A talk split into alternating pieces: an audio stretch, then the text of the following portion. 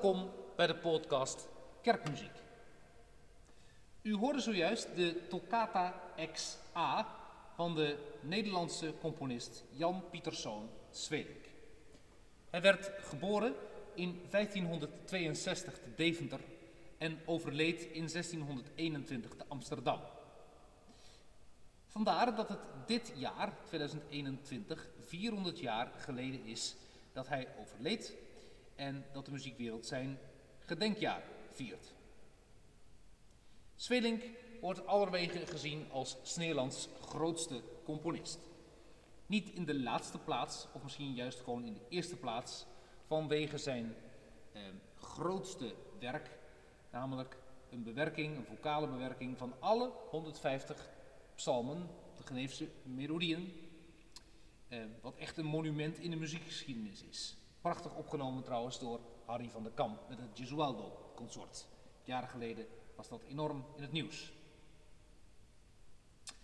Was Zwelink kerkmuzikus? Nee, hij was stadsorganist van de gemeente Amsterdam. In opdracht van de stad speelde hij door de week in de geopende kerk op het orgel van de oude kerk te Amsterdam. De kerk als huiskamer van de stad was druk bezocht door de week. Gebeurde van alles, drukte van belang en ondertussen verzorgde Zwelink zijn bespelingen.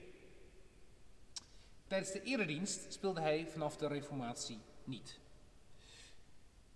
Sinds de reformatie was het orgel in een kwaad daglicht komen staan als zijnde rooms. Gelukkig werd het nog net niet van de muur getrokken, omdat de orgels eigendom waren van de stad. Ze hingen namelijk aan de kant van de toren, die was ook van de stad. Ook eh, de broodwinning van Sveling bleef gewaarborgd, want zijn werkgever was van nu voortaan de stad. Waarom hem dan toch besproken bij een podcast kerkmuziek? Nou, niet in de laatste plaats vanwege zijn hele fraaie bewerkingen van het Geneefs Psalter voor orgel. Maar ook vanwege zijn bewerkingen van Lutherse koralen. Zwelink werd wel gezien als de Orpheus van Amsterdam. Hij was een organistenmacher.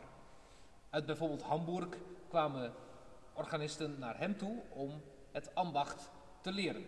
Waarschijnlijk kende hij via hen de Lutherse koralen en maakte daar ook bewerkingen op, al dan niet bestemd als model voor zijn Duitse leerling. Nou, daar hebben we prachtige muziek aan overgehouden.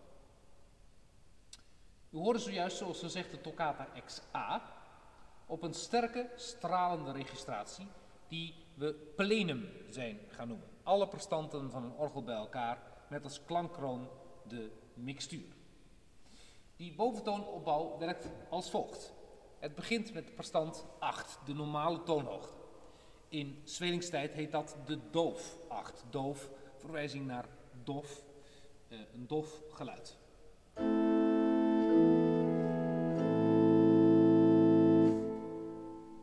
Prestand 8 staat in het geval van het Goudse koororgel in het front helemaal vooraan, prestare vooraan staan. Dan wat in Sferingstijd de koppeldoof zou heten, de octaaf 4. Dan komt er een octaaf hoger bij.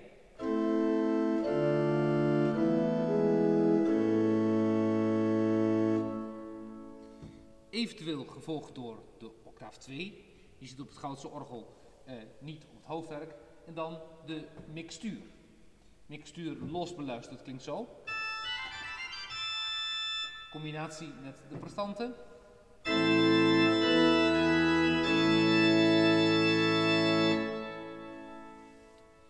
In de orgelbouw van de Renaissance spraken deze registers vaak samen. Die waren niet los te registreren. Het zogenaamde blokwerk, het sterke geluid dat iedereen wel kent van bijvoorbeeld de synthesizer-imitaties. Als we kijken naar de notenwaarde, dan zien we bij Zwelink een heel erg divers beeld. De tactus, de slag, is de halve noot. De halve noot ligt rond het tempo van de hartslag, tempo 60. De halve noot is dan ook de vocale notenwaarde, zoals we die bijvoorbeeld bij de Geneefse psalmen tegenkomen, in combinatie met de kwartnoot.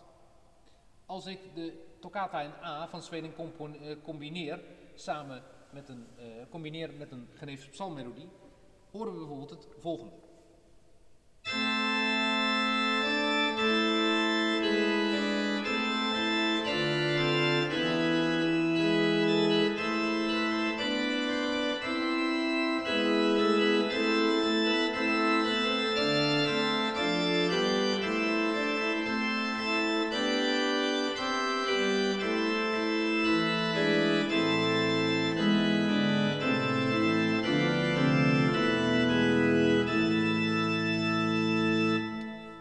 Past dan allemaal mooi in dezelfde slag.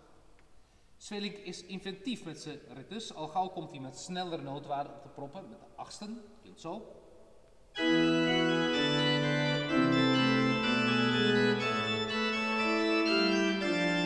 Of dubbel zo snel, de zestiende.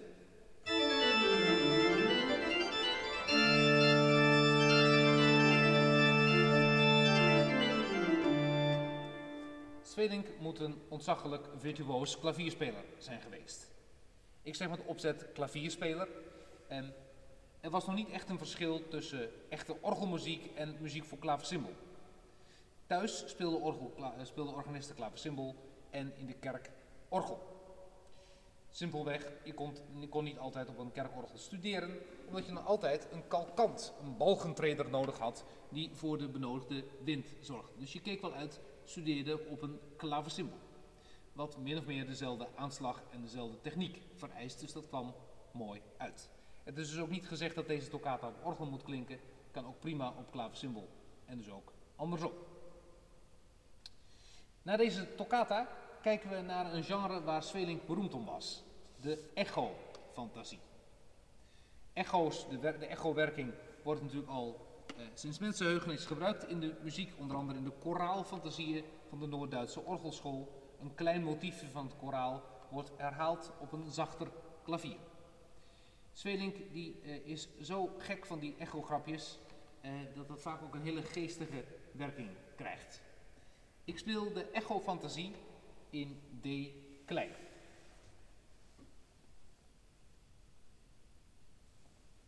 Mm.